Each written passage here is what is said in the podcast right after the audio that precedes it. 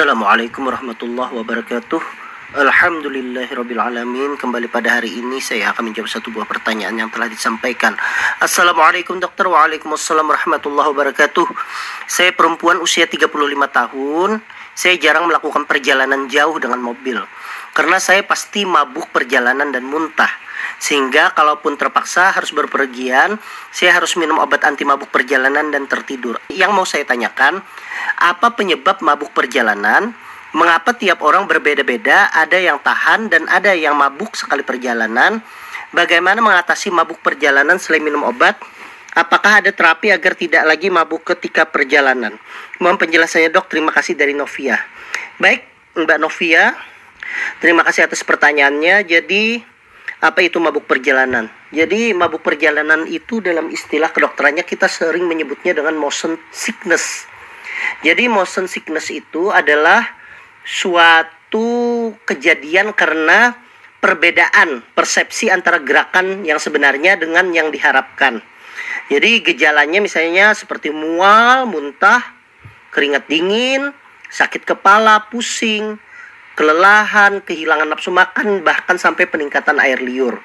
Dan kalau seandainya dia muntah-muntah, maka akan terjadi komplikasi.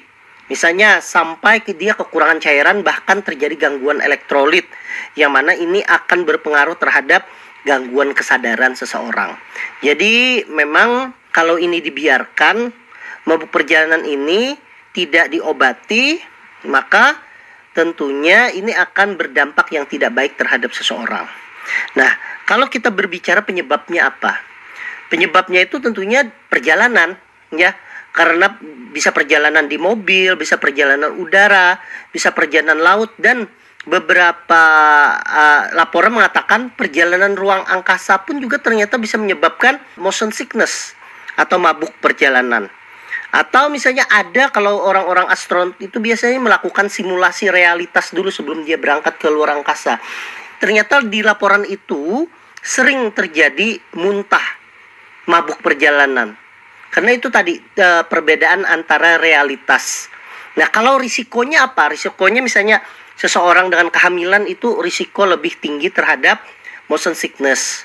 Kemudian orang yang punya penyakit migrain itu risiko lebih tinggi atau penyakit kalau di saraf ada namanya Meniere disease. Itu juga risiko tinggi orang terjadinya motion sickness. Bahkan di beberapa penelitian mengatakan perempuan atau wanita itu lebih mudah terpengaruh motion sickness atau mabuk perjalanan daripada pria atau laki-laki. Nah, pertanyaannya apa penyebabnya? Seperti yang saya jelaskan tadi, penyebabnya itu karena dia melihat, dia merasakan gerakan yang tidak sesuai dengan yang terlihat. Jadi perbedaan persepsi. Jadi itu yang menyebabkan otak menjadi terganggu sensorisnya sehingga terjadinya mabuk perjalanan. Nah, mengapa tiap orang berbeda-beda? Ada yang tahan, ada yang mudah sekali mabuk. Ya tergantung. Makanya tadi saya sampaikan bahwa kalau laki-laki mungkin dia lebih tahan daripada perempuan. Kemudian yang kedua, e, bisa saja laki-laki itu misalnya mabuk perjalanan karena dia punya e, penyakit migrain misalnya atau vertigo sebelumnya sehingga dia risikonya lebih tinggi daripada laki-laki yang tidak migrain atau vertigo sehingga ya bisa saja itu berbeda-beda sekali makanya kalau seandainya punya faktor risiko itu dan pernah mabuk dalam perjalanan ya sebaiknya memang harus minum obat sebelumnya nah bagaimana mengatasi mabuk perjalanan selain minum obat Memang yang paling utama tentunya untuk mencegah terjadinya motion sickness itu ya harus minum obat. Kenapa harus minum obat? Karena obat itu yang mencegah terjadinya perasaan tidak nyaman. Obatnya tentu saja ada beberapa pilihan obat, cuma yang paling sering kita gunakan itu adalah golongan antihistamin 1. Nah, dan yang paling banyak di Indonesia itu adalah golongan dimenhidrinat namanya. Itu adalah obat untuk mengurangi mabuk perjalanan. Sebenarnya ada beberapa obat-obat yang lainnya, tetapi memang di Indonesia itu tidak jarang dipakai. Misalnya, ternyata ada obat namanya amfetamin. Amfetamin itu ternyata punya efek juga terhadap mabuk perjalanan. Cuma karena amfetamin itu dalam bentuk dexamfetamin itu bisa menimbulkan risiko terjadinya kecanduan maka itu sangat jarang digunakan.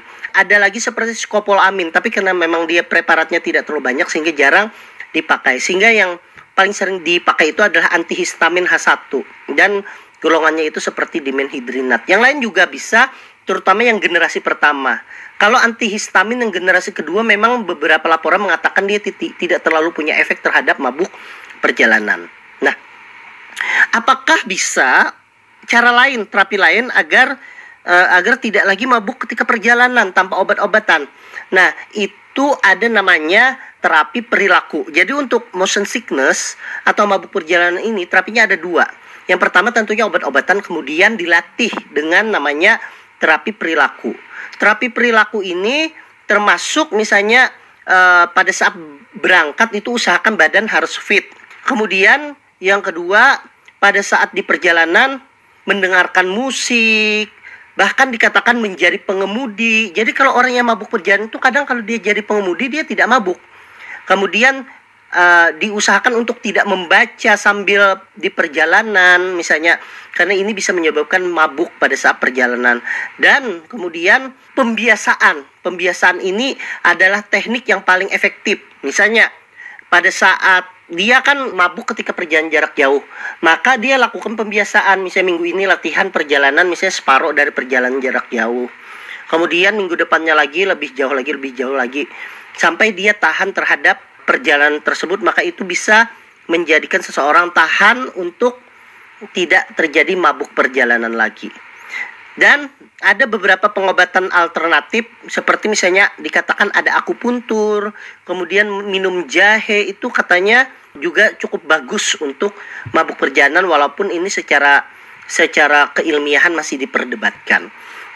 Jadi intinya dari mabuk perjalanan ini adalah memang yang utama pada saat serangan ya tentunya harus minum obat atau suntikan suntikan antihistamin untuk mengurangi itu. Kemudian yang selanjutnya dia harus uh, dilakukan latihan pembiasaan supaya jangan sampai terjadi mabuk perjalanan lagi. Cuma memang pada beberapa kasus walaupun dia sudah terbiasa, tapi dalam keadaan daya tahan tubuh yang tidak baik, dalam keadaan mungkin sedang tidak nyaman atau sakit, dia bisa kembali lagi dia mabuk perjalanan. Jadi benar-benar mabuk perjalanan ini atau motion sickness ini individualis pada setiap orang.